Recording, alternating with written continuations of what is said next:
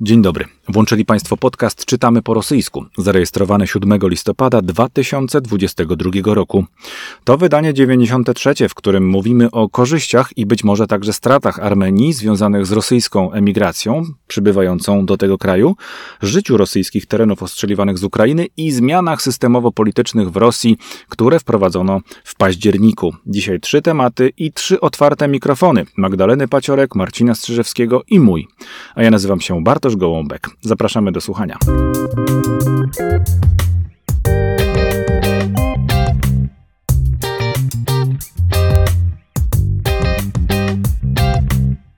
Dzień dobry Państwu y, i dzień dobry Państwu. Dzisiaj y, takie wydanie, które myślę, że będzie interesujące również y, dla nas wszystkich, bo co trzy głosy to nie jeden, prawda? Witam Marcina Strzyżewskiego, ale przede wszystkim witam Magdę Paciorek, która dzisiaj z nami online, na żywo w podcaście czytamy po rosyjsku. Magdo, zanim oddamy Ci głos e, e, jako e, pierwszej dzisiaj, to poproszę redaktora Strzyżewskiego, żeby krótko powiedział o tym, co wydarzyło się ze zrzutką na wyposażenie dla bardzo ważnej ekipy, dla pułku Kastusia Kalinowskiego, która działa na rzecz wolnej Ukrainy. Marcinie.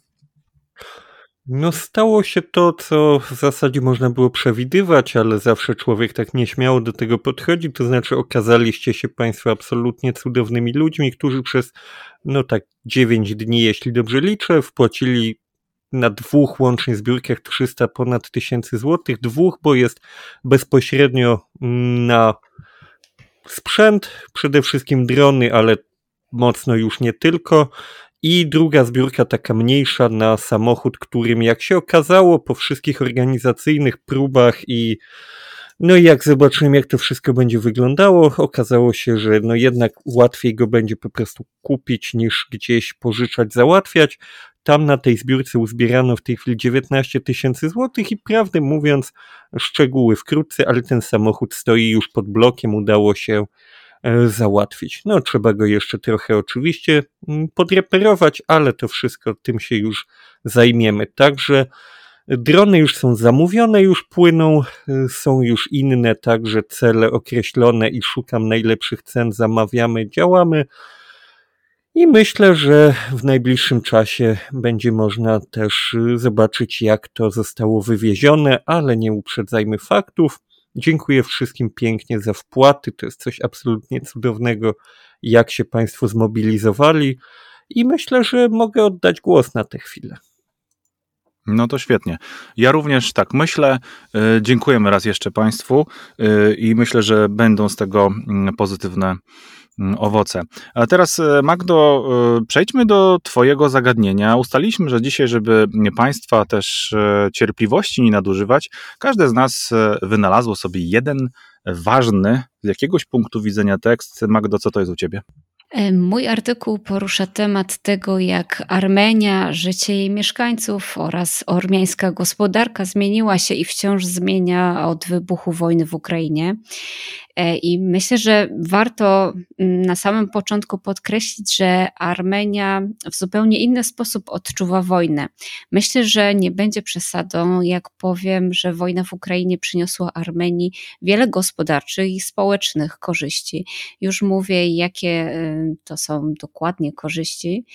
Statystyki podają, że od wybuchu wojny do października przyjechało z Rosji 786 e, tysięcy osób, wyjechało 744 tysiące osób, czyli zostało około 40 tysięcy. Jest to 2,5 raza e, więcej niż w ubiegłym roku, niż w całym ubiegłym roku właściwie. I wydawać nam się może, że 40 tysięcy to niewiele, ale jeżeli weźmiemy pod uwagę, że ludność Armenii to niecałe 3 miliony mieszkańców, to już jest jakaś liczba. E, jeżeli chodzi o Rosjan przybyłych do Armenii, to wiele z tych osób składa wniosek o wydanie karty stałego pobytu. Po rosyjsku to jest y, WNŻ, czyli wid na życielstwo. I aby otrzymać y, taką kartę, trzeba wykazać, że ma się pracę, rodzinę lub swój biznes w Armenii. I zatem nic dziwnego, że rosyjscy przedsiębiorcy otwierają swoje działalności, swoje jakieś małe i większe interesy w Armenii i w ten sposób od lutego własną firmę założyło około 2700 osób. I jak dobrze wiemy, większa e, ilość podatników i przedsiębiorców odprowadzających podatek to i zauważalny wzrost gospodarki. I Największy wzrost y, możemy zaobserwować tradycyjnie w sferze usług. To jest aż o 27% w stosunku do zeszłego roku. Szczególnie dotknęło to, a może przy, może tak y, powiem, że korzyści odniósł sektor finansów, ubezpieczeń, transportu oraz usług telekomunikacyjnych. E, jeżeli chodzi o sektor bankowości, to w pierwszej połowie roku, roku dochód netto wyniósł 111 milionów dram. Przeliczymy to tradycyjnie ormiańskim przelicznikiem, czyli na dolary, wyniosło to 280 milionów dolarów. Dodatkowo dosyć dużą liczbą, czyli 16 tysięcy osób e, przybyłych z Rosji otworzyło rachunki w banku. To jest, myślę, że bardzo pokaźna liczba. E, I rekordowy wzrost zauważano również w ilości i wartości przelewów z Rosji do Armenii. I w, nie, nie, nie, możemy się temu dziwić, że wraz z przybyciem obywateli rosyjskich wskaźnik inflacji podjął, podniósł się z 4% do 10%. Wraz z tym oczywiście wzrosły ceny e, i pojawiły się również problemy na rynku nieruchomości. Na przykład wynajem mieszkania wzrosnął z 250 dolarów do 1200 dolarów. E, I jak na warunki Armenii, to jest zawrotna suma.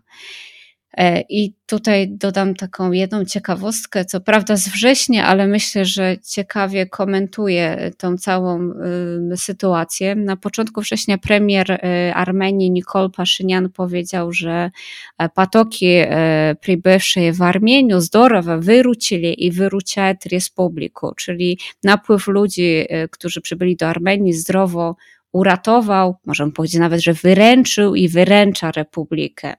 I dla Armenii, dla gospodarki Armenii to duża szansa na rozwój i większą stabilizację finansową, ale podczas gdy wiele europejskich państw zrezygnowało ze współpracy ekonomicznej z Rosją, Armenia zanotowała 80% wzrost eksportu różnych produktów. Zresztą w wypowiedziach wielu ormiańskich polityków pojawiały się słowa, że jak najbardziej wspierają Ukrainę, ale Rosja jest ich ekonomicznym partnerem, z którym obowiązują y, ich liczne umowy współpracy. E, I myślę, że o ile wzrost gospodarczy w przypadku Armenii jest jak najbardziej wskazany, to źródło dochodów stawia Armenię między przysłowiowym młotem a kowadłem. I myśl, tutaj przypominam sobie, że kiedyś z Bartkiem już rozmawialiśmy o tym, że Armenia tak naprawdę lawiruje między Rosją a Stanami Zjednoczonymi i w sytuacji wojny w Ukrainie przeciąga się ta szala trochę w kierunku Rosji. E, I co ciekawe też, jeżeli chodzi o społeczeństwo ormiańskie, to e, w większości Ormianie nie odnoszą się do Rosji z uprzedzeniem e, takim, jak panuje w Europie i innych zakątkach świata. W artykule tym pojawiła się również informacja o tym, że bardzo szybko powstały organizacje pomagające Rosjanom zadomowić się w Armenii. Równie szybko uruchomiono klasy w szkołach, w których językiem przewodnim był język rosyjski. I Dużo, duża część społeczeństwa ormiańskiego mówi po rosyjsku. Ten język teraz wszędzie słychać na ulicach. E, ja mam taką nadzieję, że to nie zaburzy takiego unikatowego charakteru Armenii I ja, ja przynajmniej pamiętam, że ona była taka mocno wyiza, wyizolowana, odizolowana, przepraszam, od, e, od reszty. A jeszcze mam taką jedną obawę, czy to nie przyczyni się do tego, że Armenia jeszcze bardziej uzależni się od swojego sąsiada, w tym przypadku takiego, no mówię o Rosji oczywiście. I co o tym sądzicie? No zdecydowanie tutaj widzimy bardzo ciekawe procesy i to myślę, że nie tylko dotyka Armenii, choć faktycznie jeśli mówimy o takim niedużym kraju, to ta już ten napływ mieszkańców y, robi większe względne cyfry nam tutaj. W przypadku takiego na przykład Kazachstanu to nie jest aż tak zauważalne, chociaż w zasadzie można by powiedzieć, że Także tam e, to widać i w przypadku Gruzji, i w przypadku Armenii, i w mniejszym stopniu w przypadku chociażby Turcji. Ta emigracja zdecydowanie mm, będzie miała wpływ długoletni na to, co się będzie działo i w tych krajach, i w samej Rosji. Mm, nie trzeba w sumie daleko szukać przykładów. Tutaj myślę, że można i sięgnąć bardzo daleko w historię do Marii Curie, która z Polski wyjechała i do historii, no niestety dla nas, choć my z tym walczymy, przeszła jako naukowiec y, francuski dla wielu, tak jak y, założyciel firmy Google, którego rodzice wyjechali, tak Rosja tutaj przede wszystkim traci ogromny potencjał ludzki. Mm, I pytanie brzmi oczywiście, jak to się będzie przekładało na pewnego rodzaju wpływy polityczne, bo też widzieliśmy, że w tych republikach przez lata, w tych byłych radzieckich republikach, mm, trwała w zasadzie jakiegoś rodzaju kolonizacja rosyjska, chociażby tak jak w Kazachstanie, zwłaszcza w czasach Chruszczowa, przepraszam Państwa, pies rzuca swoją zabawką, dekoncentrując przy tym niemiłosiernie. Szyszka, szyszka. Szysz, szyszkę tak. wszyscy znają, dają jej poszaleć. Tak, i Szyszka jest właśnie takim dobrym przykładem postaci, która się pojawia w życiu nagle, nie zawsze w sposób proszony i zmienia to życie w sposób dość drastyczny, przepraszam. I tak samo może do pewnego stopnia być z tymi emigrantami. Ja tutaj mówiłem o Chruszcz Chruszczowie i latach 60., kiedy kiedy Rosjanie napłynęli do Kazachstanu jako ochotnicy do orania pól, ale dodatkowo jako budowniczowie Bajkonuru, też duży projekt radziecki.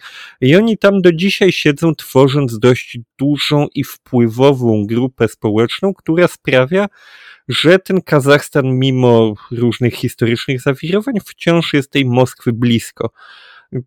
To ma wpływ to znaczy, że tam są wyborcy, którzy mówią po rosyjsku, wyborcy, którzy głosują za politykami e, bliskimi Rosji, choć akurat w Kazachstanie z tym głosowaniem to bywało różnie, ale to może dotyczyć innych republik także jak najbardziej. Więc będziemy, myślę, obserwowali przez lata dwa równoległe procesy. To znaczy, z jednej strony Rosja straciła bardzo wyraźnie na potencjale ludzkim, na kapitale ludzkim, tak się też często to określa, a z drugiej strony w tych krajach faktycznie może pojawić się pewnego rodzaju rosyjski wpływ, tylko z drugiej strony tutaj musimy pamiętać, że to są ludzie, którzy do tych krajów nie wyjechali, nie pojechali je kolonizować, oni ze wstydem do nich uciekli w dużej mierze, więc to też może wyglądać troszeczkę jeszcze inaczej. Bardzo możliwe, że będziemy obserwowali, jak oni się asymilują w tych społeczeństwach, a z drugiej strony może też się pojawić w którymś momencie tendencja odwrotna i ludzie, którzy w takich krajach troszkę o innych doświadczeniach wracają do Rosji, te doświadczenia przynios, y, przenoszą i oczywiście tutaj ciężko mówić o jakichś demokratycznych doświadczeniach Kazachstanu, ale już tacy ludzie, którzy uciekli gdzieś kawałek dalej na zachód, y, Przypomnę, teraz się odbyła w Warszawie taka konferencja mm, rosyjskiej opozycji, jeszcze nie słyszałem w publicznie dostępnych wypowiedziach, żeby tam ustalono coś y, bardzo istotnego, ale tego typu doświadczenia faktycznie być może kiedyś pozwolą tej opozycji wrócić i coś ciekawego zbudować. Sytuacja jest, myślę, bardzo mm, dynamiczna, jeśli chodzi o tą migrację, ale na pewno warto obserwować, bo to już w tej chwili mamy pewność, że wywoła dość trwałe zmiany po obu stronach tych granic. Mhm. To ciekawe są rzeczywiście zjawiska, bo na przykład jeśli chodzi o, Zakauka, o Kaukaz Południowy, czy o właśnie tą południową flankę e, Rosji, to wiemy na pewno, że mamy ten ruch w kierunku Armenii i Gruzji oczywiście, ale w mniejszym stopniu e, przynajmniej jakoś mi umykają doniesienia o tym, żeby mm, część Rosjan wyjeżdżających wybierała na przykład Azerbejdżan. Tutaj oczywiście kilka e, powodów byśmy mogli e, też wyszukać, dlaczego tak się dzieje, albo dlaczego nie jest to może ulubione i takie bardzo elastyczne miejsce e, przyjmowania mm, tej migracji rosyjskiej. Ja tutaj, jeśli byś Marcinie pozwolił, chciałbym odznaczyć e, pewnego rodzaju takie, e, wypowiedzieć votum separatum, bo wydaje mi się, że mm, to na pewno jest znaczna część tych emigrujących, która się bardzo wstydzi tego, co się dzieje, co się wydarzyło od lutego, może nawet i wcześniej, ale na pewno od lutego 24 w Rosji i to jest e, pewne, oni nie chcieli w tym uczestniczyć, mm, ale myślę, że w tej grupie też wciąż są osoby, które mm, wykonały ten ruch e, za granicę no po prostu ze względów czysto koniunkturalnych, e, żeby zabezpieczyć swoje interesy i swoje dotychczasowe życie w jakimś sensie mm, utrwalić, przynajmniej wyobrażone, bo wiadomo, że wyjazd z domu nie jest e, tym samym życiem, ale próba jakiegoś rodzaju komfortu psychicznego tutaj e, może mm, e, dominowała często. Socjolodzy zresztą o czymś takim ciekawym mówili, ja się nad tym co jakiś czas zastanawiam, że w sumie wyjazd z Rosji w tej sytuacji dla wielu nie oznacza jakiegoś gestu protestu, tylko jest również pasywnym odbiorem sytuacji. To znaczy, nie chcemy w tym brać udział, wypisujemy się, nie będziemy ani klaskać, e, kiedy Sołowiow, wylewa pomyje na, na Ukrainę i e, na Polskę i na Stany Zjednoczone, ani też nie będziemy aktywnie protestować. I to jest bardzo ciekawa w ogóle kwestia do zbadania, bo przecież tych Rosjan, mm, e, tej diaspory rosyjskiej jest, tak jak zwróciłeś słusznie uwagę, bardzo dużo i w, w Polsce mieliśmy pierwszy taki, chyba jeden z pierwszych takich wyraźnych, wyrazistych gestów politycznych tych osób, które wyjechały i próbują w zasadzie odznaczyć swoją obecność i pokazać, że, że są, że działają. No, na pewno ich nie zaliczyłbym do tych, którzy są pasywnymi, to jest jasne. E, to spotkanie w Jabłonnej zresztą miało taki też e, charakter wewnętrznego sporu, co daje dużą nadzieję, że Rosjanie potrafią jeszcze dyskutować albo nie zgadzać się ze sobą wzajemnie w sposób e, normalny. To, to, to byłoby super i piękne. Widziałem na telegramie tam spory i gesty takie też dosyć, powiedziałbym, emocjonalne, ale no o to chodzi de facto w polityce. I myślę, że warto jest też przyglądać się naszym tutaj mm, polskim kontekstom w tej sprawie, bo e, jak e, wiecie doskonale, mamy też i sporo nie tylko migracji e, z Ukrainy i z Białorusi, ale sporo i Rosjan się pojawiło w Polsce i bardzo jest to interesujące według mnie, jak społecznie to będzie rezonowało w sumie, w dalszej perspektywie. Marcin tutaj akurat absolutnie słusznie powiedziałeś, że to za parę lat będziemy dopiero mogli faktycznie pewnie ocenić.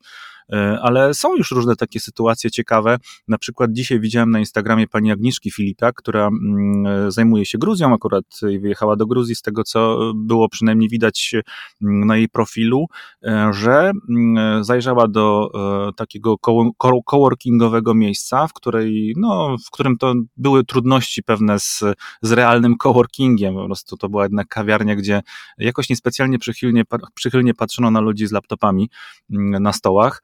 E, ale e, być może słuszna jest i była też jej intuicja, że pewne e, procesy tam się uruchomiły w Tbilisi również w związku z potężnym napływem Rosjan, którzy na przykład zaczęli nadmiernie wykorzystywać przychylność tej kawiarni, zamiast pójść na rynek najmu i próbować jednak gdzieś otworzyć swoje biuro, a nie tylko i wyłącznie mm, czerpać przyjemność z pracy mm, przy kawie czy herbacie mm, w, w tak, na tak zwanym mieście masa różnego rodzaju procesów będzie się na pewno pojawiała i mm, bardzo mnie też ciekawi, czy właśnie ta grupa mm, koniunkturalnych Rosjan właśnie nie będzie za moment mogła stanowić jakieś opory, tak jak powiedziałeś Marcinie, nazwijmy to, chociaż to chyba słowo mm, zaczyna się troszeczkę wycierać, kolonizacyjnej dla e, przyszłej Rosji, nowej Rosji postputinowskiej. Tak mi się wydaje. To co, możemy iść dalej? Pewnie tak. Możemy, jak najbardziej. To jest temat, który, proszę Państwa, pochodzi z ważnych historii. I to już nie pierwszy raz tutaj mówię, a dzisiaj mamy po jednym temacie, więc z tego ostatnio najbardziej mi się podobającego portalu sobie wybrałem tekst, który jest zatytułowany Dożyliśmy, dowalczyliśmy, przytaszczyliśmy wojnę na swój teren. To jest tekst dość długi, który podsumowuje wydarzenia na północnej, powiedzmy na północnym froncie, tuż za granicą rosyjsko-ukraińską, właśnie od strony północy Ukrainy, bo dla Rosji to jest oczywiście granica taka południowa na zachodzie.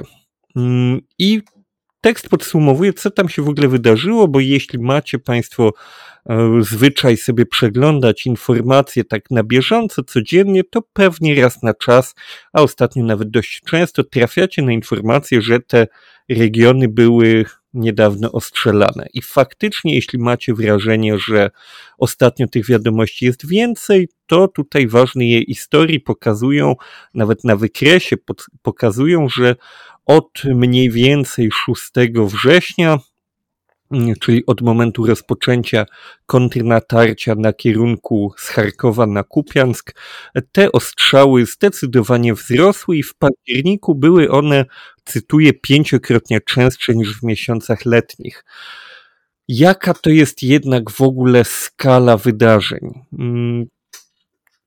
Mowa jest tutaj o 18 potwierdzonych ofiarach wśród cywilów po stronie rosyjskiej od samego początku wojny, bo taki pierwszy ostrzał terenów rosyjskich miał miejsce już na samym początku wojny.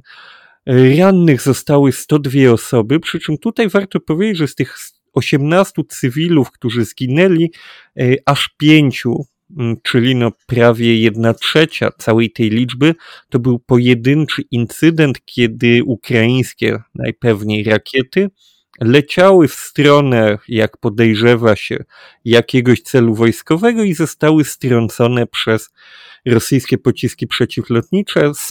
Ich resztki spadły na dom mieszkalny rosyjski już, gdzie zginęła, e, zginęło pięć osób, z czego co ciekawe trójka z nich to byli obywatele Ukrainy.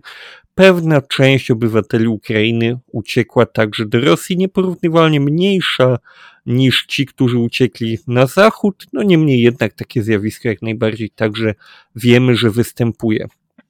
Mm, można to jeszcze porównać, jeśli chodzi o straty, choć ciężko w jakiś sposób ważyć liczbę śmierci, ale żebyśmy mieli jakieś wyobrażenie, ostatnio w punkcie gastronomicznym o nazwie Poligon doszło do tragicznego pożaru. Tam miało spłonąć od 13 do 15 osób. Tutaj mówimy w tych ostrzałach o 18 ludziach, a z kolei w katastrofie lotniczej w Jejsku, kiedy samolot bojowy bombowiec rosyjski tuż po starcie uderzył w blok mieszkalnych, zginęło 15 osób i 28 zostało rannych. Także możemy stwierdzić, że te mm, powiedzmy ta skala strat wśród ludności cywilnej Rosji, choć oczywiście to jest 18 osobnych tragedii, jest po prostu dość nieduża. Możemy także porównywać to oczywiście do liczby zmarłych cywilów w samej Ukrainie i tu już w ogóle mm, widzimy, że jest to wręcz niezauważalna liczba. Natomiast uszkodzenia materialne są dość spore. 55 budynków mieszkalnych zostało zniszczonych całkowicie przez te ostrzały, ponad 800 uszkodzonych, także widać, że jest to no, zauważalna liczba. Niektóre miejscowości, takie jak wieś Tiotkina, były ostrzeliwane wielokrotnie, nawet 15 razy. Ta konkretna wieś miała znaleźć się na celowniku, przy czym oczywiście warto tutaj powiedzieć, że jest dość sporo w internecie dostępnego materiału wizualnego, na którym widać, że po prostu w tych przygranicznych miejscowościach rosyjskich znajdują się regularnie mm, pojazdy wojskowe, pozycje wojskowych to jest coś dość normalnego. Możemy zgadywać, że część tych y, przypadków faktycznie były ostrzałami miejsc y, przebywania rosyjskich żołnierzy, ale to jest do zbadania po wojnie. Natomiast ciekawe jest także to, jak w tym artykule opisano i sama sytuacja jest tak naprawdę ciekawa, jak miejscowe władze reagują na tę sytuację. Dość późno zostały zarządzone kontrole schronów i były przeprowadzane, jak to zwykle zresztą, kontrole w Rosji dość byle jak. Natomiast w ostatnich tygodniach, co się zbiega mniej więcej z tym rozpoczęciem kontrofensywy w okolicach Charkowa, rozpoczęły się takie ruchy, nazwijmy to bardziej nerwowe. Mm, w okręgu bielgarodzkim i kurskim zaczęły powstawać drużyny swojego rodzaju obrony terytorialnej, w tym drużyny kozackie. Pojawiły się tam także punkty szkolenia ochotników założone przez y, pana Prigorzyna, dobrze nam znanego, i jego grupę, prywatną wojskową grupę CWK Wagnera. To jest sytuacja, o której ja już u siebie na YouTubie mówiłem ze dwa razy, ale warto powtórzyć jeszcze raz, jeśli ktoś nie słyszał. To jest sytuacja niebezpieczna, ponieważ pojawia się tutaj prywatny przedsiębiorca, który no, za państwowe, jak się wydaje, pieniądze, chyba trudno powiedzieć, bo jest to skrajnie nieprzejrzyste, szkoli żołnierzy i tworzy sobie jakieś regionalne drużyny uzbrojonych ludzi, które w przypadku, kiedy by doszło do na przykład walki o władzę, no myślę, że mogłyby zostać w tej walce wykorzystane. Budowane są też, zwłaszcza tutaj okręg bielgarodzki, jest z tego znany linie umocnień. Oczywiście świat obiegły te przede wszystkim zdjęcia tak zwanych smoczych zębów. To są takie czterograniaste piramidki betonowe, które w teorii powinny zostać przytwierdzone do podłoża na zdjęciach tego nie obserwujemy, widzimy je rzucone tak po prostu luźno na ziemię, więc specjaliści twierdzą, że to ma niewielkie szanse, by powstrzymać jakieś faktyczne natarcie. Jednocześnie specjaliści zwracają uwagę na to, że Ukraina dostała dość wyraźny sygnał od sojuszników, który dla uniknięcia dalszej eskalacji, wiadomo przede wszystkim jądrowej, odradza, mm, odradzają Ukrainie ci sojusznicy przenoszenie działań wojennych na teren Rosji, co jednak nie oznacza, że nie ma tych ostrzałów, bo to prawdę mówiąc nawet widziałem na własne oczy, jak tam mm, łuna pożaru nad już okręgiem bielgarodzkim mm, w nocy rozświetlała niebo. Więc coś się tam faktycznie dzieje, ale jest, jak się ocenia, niewielka szansa, żeby te walki zostały przeniesione na teren Rosji. Ważne jej historii komentują to mówiąc o tym, że przede wszystkim jest to wykorzystywane w celach politycznych, żeby w jakiś sposób usprawiedliwić mm, sytuację wojenną i pokazać społeczeństwu, że ta wojna jest wojną no, do pewnego przynajmniej stopnia obronną. Oczywiście taka sytuacja wpływa także na takie codzienne życie. Imprezy noworoczne w tych regionach zostały kompletnie odwołane. Dzieci przeniosły się na, w szkołach na nauczanie zdalne. No i jest tutaj także pewna liczba komentarzy i mm, historii od mieszkańców, którzy komentują całą tę sytuację dość kwaśno, zwracając uwagę choćby na to, że władze centralne w Moskwie starają się robić dobrą minę i opowiadać, jak wszystko idzie zgodnie z planem, co oczywiście brzmi dość ironicznie, bo to by musiało założyć, że zgodnie z tym planem e, byłoby no 55 zniszczonych domów i 800 uszkodzonych domów, a to raczej, jak mi się wydaje, od tego no, w ten plan się jednak nie wliczało. W każdym razie to, co Marcin e, wyszukałeś i te ważne historie, które mm, faktycznie to e, dobrze podjęły, to jest sprawa, która już e, dłuższy czas drenuje jakąś część Rosji, która chciała właśnie stać z boku, e, może nawet nie próbowała e, widzieć, e, nawet przez palce oglądała propagandę swoją, no i nagle przyszły te wydarzenia, które, które przyszły. Słusznie zwracasz też uwagę na to, że te ofiary, czy w Jejsku, czy w innych miejscach, one, no oczywiście, że to nie, jest, to nie jest jakaś masa ludzi, każda ofiara jest straszna, ale to nie jest masa ludzi, tyle, że to jest o tyle istotne i o tyle ciężkie, że być może, no zastrzegam, że być może te ofiary wcale nie musiałyby być poniesione, gdyby nie e, ta e, decyzja o ataku na mm, Ukrainę. I w ogóle w sumie, jak patrzymy na perspektywę tej, tej wojny już z pewnym dystansem czasowym, to myślę, że trzeba powiedzieć, że jednak i tak relatywnie niewiele tych mm, takich uderzeń w kierunku Rosji Ukraina wyprowadziła.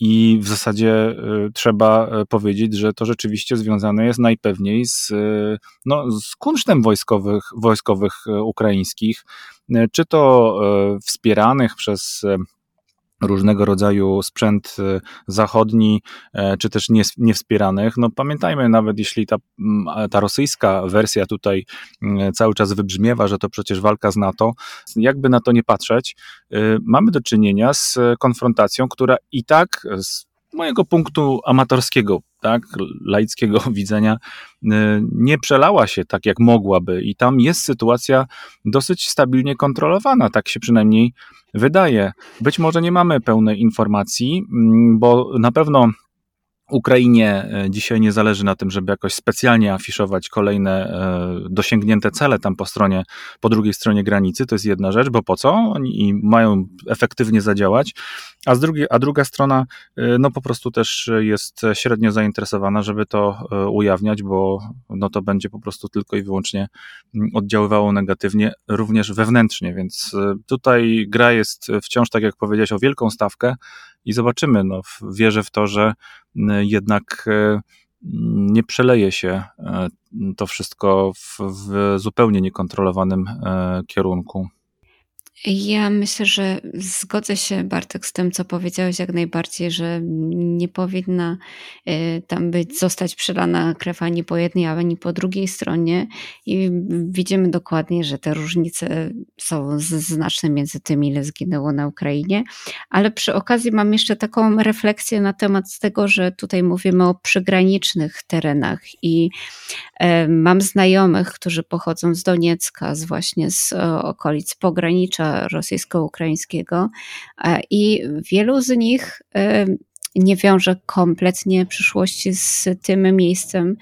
E, I ja mam taką cichą nadzieję, że po prostu kiedyś ten obszar, w tym na tym obszarze będzie stabilnie i i też w świadomości młodej osoby myślę, że to jest duże rozczarowanie, które wiąże się z taką utratą małej ojczyzny. I e, nie wiem, czy, czy, czy patrzycie na to z, z takiej perspektywy również, że tak naprawdę tym, że czyjaś propaganda wszczyna wojnę i prowokuje również do tego, e, prowokuje również do tego, żeby mieszkańcy tych pogranicznych terenów zmienili swoje myślenie na odpowiedni tok.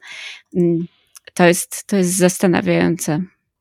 Czy w ogóle bardzo zastanawiające jest to, jak e, cała ta wojna wpływa na relacje, bo Mówimy tu o terenach przygranicznych i bardzo ważne, że zwracasz uwagę na ten czynnik ludzki. Ja tam miałem na przykład e, takie no, bezpośrednie doświadczenie osoby, która miała mm, bliskich, rodzinę po drugiej stronie granicy. To akurat mówię tutaj o pani z Ukrainy, która miała z bliskich po stronie rosyjskiej rodzinę, z którymi normalnie się kontaktowała e, przed wojną niemalże no, przynajmniej raz w tygodniu, jak mówiła, a po y, wybuchu tej wojny po prostu ten kontakt się urwał i to ze strony tych rosyjskich y, krewnych, którzy po prostu przestali się w jakikolwiek sposób kontaktować. I to wpływa też bardzo mocno na takie, na takie zwykłe, proste międzyludzkie kontakty, w sposób, który czasem gdzieś nam umyka w tych y, w blasku tych wielkich wydarzeń, a to jest też cała masa takich hmm. małych, prostych tragedii. Tak to właśnie wygląda, rzeczywiście. Rodzinnych też tragedii wciąż. Ja akurat tutaj y, mógłbym Państwu polecić y, i Wam też, jeśli nie mieliście okazji, zobaczyć, obejrzeć film Andrija Łaszaka Razryw Swiazi. E, to jest film, który właściwie to dotyka e, tej, tej kwestii, wewnątrzrosyjski mm, e, rozkład związków, relacji rodzinnych, przyjacielskich, e, głównie rodzinnych bo przecież te rodziny też są podzielone, jeśli chodzi o stosunek do tego, co się w Rosji dzieje. Zresztą także nie tylko i wyłącznie wojna ich podzieliła, chociaż wojna dla wielu rodzin była na pewno dużym katalizatorem. Ja akurat miałem okazję i przyjemność rozmawiania z Alisą Gorszeniną, która mm, jest artystką i jednocześnie wystąpiła w tym filmie i mówiła też bardzo ważną rzecz, bo y, i też warto się od niej odbijać regularnie. Ja sobie to uświadamiam, że i myślę, że dotyczy, to, to jest bardzo uniwersalna e, koncepcja, że nie należy zostawiać ludzi sam na sam z propagandą, że trzeba szukać mimo wszystko jakiegoś rodzaju dotarcia do nich i e, jedyną drogą jest przełamanie w sobie tej bariery, bo inaczej się po prostu tego e, nie da przeprowadzić. My musimy, my, czyli, czyli ci, którzy próbują coś osiągnąć w tej sprawie, mm, być może oczywiście także podatni na swoją propagandę, ale mimo wszystko całkowite odcięcie, jeśli dotyczy samych rodzin rosyjskich, bo tutaj mówię o wewnętrznej sytuacji rosyjskiej, ta pograniczna jest jednak nieco inna, chociaż też mam takie wspomnienie jakiś czas temu, chyba latem, czytałem i oglądałem taki reportaż mm, związany z przeniesieniem e, spod Charkowa takiego schroniska dla zwierząt, które zostało ewakuowane do Federacji Rosyjskiej. I panie prowadzące to do, też do terenów przygranicznych właściwie, ale panie prowadzące to schronisko właśnie no, w sposób e, mocno e, chłodny, tak bym powiedział, chociaż w miarę możliwości delikatny, wskazywały, że to nie jest ta Rosja, do której one się regularnie i tak wybierały przecież po różne rzeczy, po mm, kontakt, po rozmowę z bliskimi. Y, ta Rosja, do której zostały ewakuowane przymusowo ze względu na to, że mm, y, Kreml zaatakował Ukrainę e, i ten Charków jest tak specyficzny w całym tym kontekście, ona już jest obcą Rosją i będzie dla coraz większej ilości z całą pewnością mm, ludzi, które, którzy, i o tym też już mówiliśmy pewnie nieraz, e, którzy do tej pory nosili ją w sobie w sercu i uważali, że wszystko byłoby w porządku, w zasadzie nic się nie dzieje. No a tu niestety y, na rakietach nie da się przynieść przecież dobrego słowa, niestety. Tak to, tak to trochę wygląda. Jeśli byście mm, pozwolili, to w ostatnim wątku, trochę też łączącym nas z tymi sprawami i zmianami wewnątrz rosyjskimi, chciałbym Wam zaproponować też pochylenie się nad takim tekstem z rozsyłki substakowej mm, Regularnie sobie staram się czytać e, nie bardzo częste, ale bardzo fachowo opracowane e, treści przez panią Faridę Rustamową. To jest dziennikarka, która ma potężne doświadczenie w reporterce politycznej. Myślę, że bardzo duże i głęboko sięgające także znajomości w różnych e, środowiskach w Rosji e, i politycznych, i dziennikarskich. I e, w ostatniej swojej właśnie takiej mm, newsletterowej rozsyłce ona przygotowała mm, opis zmian albo raczej próbuje wnioskować na temat zmian politycznych, które e, wprowadził w ostatnim czasie mm, Kreml, bo nie tylko Władimir Putin, ale oczywiście jego podpisami wiele rzeczy się zadziało. Mm, I w tym swoim tekście zatytułowanym Wielika Atyczestwienna Specoperacja mm, próbuje sięgnąć właśnie do sedna sprawy, to znaczy czym faktycznie są, czy powinny być te zmiany. To się zaczęło dziać od połowy października, kiedy Putin podpisał dekrety o specjalnych reżimach operacyjnych dla władz regionów Rosji oraz utworzeniu takiego nowego ciała e, politycznego, mm, koordynującego, bo tak się zresztą no, nazywa Rada Koordynacyjna do spraw zaopatrzenia armii. No i dla takiego przeciętnego nawet Rosjanina, te innowacje, jak twierdzi e, pani Rustamowa, one nie muszą wcale jakoś e, być istotne i po prostu są najzwyklejszymi manipulacjami administracyjnymi, czy też technicznymi jakimiś zmianami, ale jej zdaniem i zdaniem jej rozmówców w rzeczywistości Putin zaczyna podkładać, a może już podłożył fundamenty pod radykalną restrukturyzację systemu władzy i życia publicznego w Rosji. E, bo gubernatorzy otrzymali dodatkowe uprawnienia do ograniczenia swobód obywatelskich, także między innymi, no a rząd rosyjski otrzymał uprawnienia do wprowadzania gospodarki w stan wojny. W zasadzie to się też e, stopniowo dzieje, ale nie było to tak wyraziście pokazane. Tam były różne ustawy, takie właśnie e, przemycane wątki. Teraz zaczyna to nabierać jakiegoś bardziej poważnego mm, kształtu. No i ludzie służb i armii, którzy, jak się wydaje, w Moskwie chyba taki pogląd e, zaczyna dominować, zawiedli Putina. Teraz e, zostali nieco odsunięci na bok i na pierwszy plan wysuwa się tak zwana cywilna biurokracja. E, I tutaj trafiamy na paradoks, który mm, Farida Rustamowa mm, eksponuje. Biurokracja, która do tej pory i wszystko na to wskazuje, że to może być prawda. Nie, nie potrafimy tego zweryfikować, bo to jest taka czysta kremlinologia teraz, ale y, wśród tej biurokracji właśnie, takiej technokracji putinowskiej, sporo ludzi y, jednak jest głęboko przekonanych, że decyzja o zaatakowaniu Ukrainy była błędna, niepotrzebna i tylko i wyłącznie krytycznie, e, oddziałuje teraz na to, co się mm, dzieje także w samej Rosji.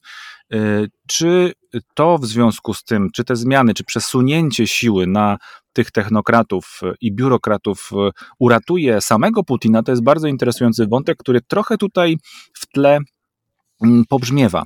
Nie chcę się koncentrować na e, tych e, obwodach e, Ukrainy, które zostały czasowo okupowane, czy też zostały teraz anektowane, bo tam obowiązuje w ogóle stan wojenny, ale faktycznie ten organ koordynacyjny nowy, ta rada koordynacyjna, przecież tam w zasadzie wiadomo tym, którzy bliżej przy, przy, przyglądali się rosyjskiej polityce wewnętrznej, że właściwie pałac no właściwie Kremla, nie pałac, bo to nie jest przecież pałac, ale tak zwana Stara Płosiec, czyli administracja prezydenta mm, zestawiona z rządem, to są wzajemnie dublujące się także w kompetencjach organizmy. I teraz tak jakby, oprócz jeszcze Rady Bezpieczeństwa, którą, którą zaproponował do prowadzenia e, Miedwiediewowi Putin jakiś czas temu, kiedy odsuwał go od premierostwa, powołuje jeszcze trzeci w zasadzie czwarty organ, bo mamy tak, administrację prezydenta, rząd Federacji Rosyjskiej, Radę Bezpieczeństwa i właśnie tą specyficzną strukturę, która ma właściwie być y, no, rządem wojennym. Jeszcze raz nazwa w tłumaczeniu wolnym na język polski Rada Koordynacyjna do spraw zaopatrzenia armii przy rządzie rosyjskim. No i właśnie powołał tą radę, której przewodzi sam premier rządu tego właściwego, czyli Michał Miszustin. I tutaj pojawiają się pewne wątpliwości, a nawet e, daleko idące e, supozycje, że Miszustin należy do tej właśnie grupy niewojennej, do tej grupy gołębi raczej, od samego początku, czyli od lutego 2022 mm, roku, mm, od końcówki lutego, mm, kiedy działy się rzeczy y, złe, straszne i y, tragiczne, Miszustin zachowywał się tak, jakby no właściwie prowadził swoją politykę jakby nigdy nic i w żadnym publicznym, wyrazistym wystąpieniu nie zabrał głosu e, poparcia dla wojny. No nawet tak jak byśmy porównywali go do Miedwiediewa, no tutaj dzieją się rzeczy zupełnie mm, absurdalne. Praktycznie każdego dnia na telegramie Miedwiediewa są jakieś nowe mm, objawienia. No a tutaj Miszustin w tym momencie ma prowadzić właściwie za Ministerstwo Obrony Narodowej sprawy, e, bo tutaj wchodzą do kompetencji tej Rady Koordynacyjnej także konteksty cyfryzacji poboru, bardzo dużo e, kompetencji. Do tej rady także został powołany na przykład mer Moskwy e, Sobianin, który zaś będzie i już to robi, koordynował pracę lokalnych gubernatorów. Dla wielu, a dla samej Faridy Rustamowej, te zmiany to w pewnym sensie jest przyznanie przez Kreml, przez administrację, że system się nie sprawdził do tej pory i paradoksem e, wydaje się to, że ludzie bez właściwej takiej kagiebowskiej, nazwijmy ją wprost, przeszłości, czyli najbliżsi Putinowi, okazali się teraz prawdziwym oparciem dla tego reżimu.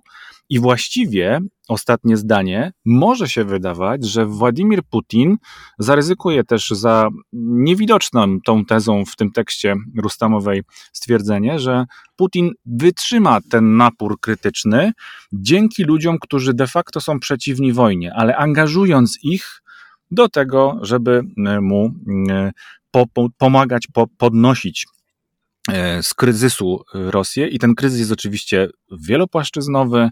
On realizowany jest nie tylko poprzez mobilizację, nie tylko na e, froncie wojennym, ale także oczywiście wewnątrz samej Rosji, także przez migrację, o których dzisiaj mówiliśmy. Mm, sytuacja zaczyna nabierać zupełnie innych kształtów i jak jeszcze chwilę temu wiele osób spekulowało, tak mi się wydaje, przynajmniej były takie głosy, pojawiło się dużo na kanałach, na streamach pytań, co to będzie z tym Putinem, przecież on już w zasadzie odchodzi, nie ma go. Może się okazać, że wystał, że uderzenia przyjął i teraz ta reforma faktycznie pomoże mu e, po prostu trwać dalej i przedłużać e, jednak e, ten stan. A czy tutaj, jeśli pozwolicie, że zabiorę głos jako pierwszy, mm, wyrażasz bardzo optymistyczne podejście do tego tematu, mówiąc, że być może się uda, być może on dzięki tym ludziom da radę. Myślę, że chociaż oczywiście faktycznie na przykład taki premier Miszustin, choć także z mundurowego środowiska się wywodzący, no, wydaje się bardziej kompetentnym człowiekiem, to jednak ten system jest już na tyle problematyczny, że wątpię, żeby to coś zmieniło, choćby dla tego, że widzimy tutaj właśnie taką drastyczną zmianę, która nie jest zmianą, mm, powiedzmy, faktycznie, jeśli przeprowadzamy zmiany w dobry sposób, to coś zastępujemy czymś, a tutaj jest dobudowana kolejna dobudówka do już do tej pory niewydolnego systemu władzy, która zamiast coś faktycznie mm, naprawiać, to dodaje kolejny element, który nie do końca, jak mi się wydaje, pozwoli to wszystko zbalansować. To znaczy taki system oparty na nieformalnych kontaktach, na mm, ustaleniach, które jeden człowiek, y, co do których jeden człowiek podjął decyzję, to jest system, w którym pojawi się bardzo dużo takiego y, tarcia pomiędzy poszczególnymi ludźmi, podobnymi kompetencjami, pojawi się wiele konfliktów. Te konflikty prawdopodobnie w którymś momencie przyniosą skutek znacznie gorszy niż y, te pozytywne aspekty, które może wnieść e, sam sama ekipa trochę lepiej orientujących się w temacie ludzi, zwłaszcza, że tutaj mówimy o premierze Miszustinie, który i bez tego, bez dodatkowych y, obowiązków wojennych, jako premier państwa ma dość sporo swoich obowiązków standardowych, więc on jakby nie był kompetentnym człowiekiem, to jego doba także będzie miała 24 godziny. Na to niewiele jesteśmy w stanie poradzić, a dodatkowo tworzymy tutaj właśnie kolejne animozje i to przez kolejne mam na myśli faktycznie to, że tych animozji jest już dość y, dużo. Mm, armia niespecjalnie lubi się z prywatnymi firmami wojskowymi, FSB niespecjalnie lubi się z, mm, z Kadyrowem i jego ludźmi. W tych kuluarach, nazwijmy to, władzy od strony gospodarczej, a nie wojskowej, także te konflikty są widoczne i tutaj się pojawia człowiek, który ma naprawić e, pracę innych ludzi, mm, którzy nieszczególnie będą doceniali to, że ktoś ich uznał za niekompetentnych i niewartych zaufania i na ich miejsce postawił, na ich miejsce czy obok ze zdublowanymi kompetencjami postawił kogoś kolejnego i wydaje mi się, że to to jest oczywiście zgadywanie, no, nie wiem tutaj dużo więcej o przyszłości niż ktokolwiek inny, ale wydaje mi się, że Putina jako takiego to nie uratuje, bo ciężar tego, co on wrzucił na swoje własne barki, na barki Rosji jest już krytyczny i nie da się pod tym wystać, ktokolwiek by nam nie pomagał, ale tego typu mieszanie w systemie może za to sprawić, że kiedy ten system się faktycznie pod ciężarem problemów załamie, to będą jeszcze bardziej ciekawe, barwne i no oby nie, ale być może krwawe konflikty o tą władzę, ponieważ tych ośrodków kompetencji w państwie będzie jeszcze więcej, jeszcze więcej ludzi z aspiracjami, jeszcze więcej grup e, wpływów i może to sprawić, że faktycznie sytuacja jeszcze dodatkowo ponad miary, bo już wcześniej była mocno skomplikowana, a skomplikuje się jeszcze bardziej. A ostatecznie, jeśli miliony kirzowych butów i e, dziesiątki tysięcy kamizelek kulotpornych zostały przez lata rozkradzione, to one się nagle nie pojawią, nawet jeśli w teorii pojawi się ktoś, kto mógłby coś takiego zapewnić, gdyby być może postawiono go na właściwą pozycję 5, może 10 lat temu, to wtedy może byłoby inaczej. Ale już tego systemu pełnego korupcji, kradzieży, e, nieudolności teraz w czasie wojny nie wierzę, żeby się dało naprawić. Mhm. Ciekawe, czy wśród tych ludzi, y, na których znów teraz postawił e, Putin, są być może kandydatury na to, żeby okazać się takimi właśnie jednorożcami, liderami, delfinami e, i zajmą e, się Rosją po nim lub zamiast niego, bo może to jest jakaś forma ucieczki. No nie wiem, Magda, jak na to patrzysz, na tą sprawę? To jest bardzo ciekawe i myślę, że zgodzę się z Marcinem, że w dużej mierze to jest taki marionetkowy ruch, który ma sprawić, że coś się dzieje, coś jest tak jakby pociągane, pociągamy za te sznureczki, e, komplikujemy coś, jest jakiś ruch, coś się dzieje, coś jest robione, żeby nie było, że, że nie naprawiamy, jeżeli nawet coś się psuje, ale y, czy to do czegoś doprowadzi, czy to faktycznie wyłoni nam kogoś odpowiedniego i kogoś, kto mm, będzie, no to myślę, że to jest taka wielka, wielka niewiadoma.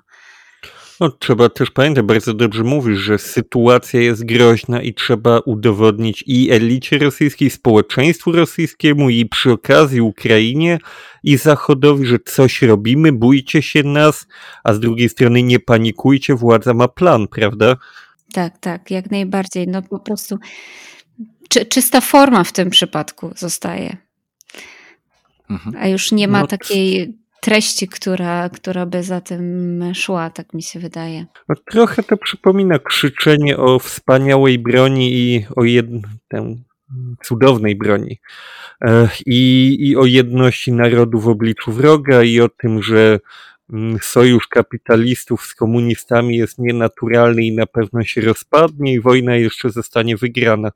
Jakieś te analogie historyczne są jakoś tak napraszające się. Tak, tak. Rustamowa zresztą mówi, że ten komitet trochę przypomina stalinowski komitet mm, wojenny, który został założony podczas Wielkiej y, Wojny Ojczyźnianej. Zresztą tytuł na to wskazuje, ona tak próbowała mm, trochę podejść historycznie ten kontekst. A ja się zastanawiałem, bo Magda mówi forma, czy treścią nie ma być te, te, te jednak e, Miszustin.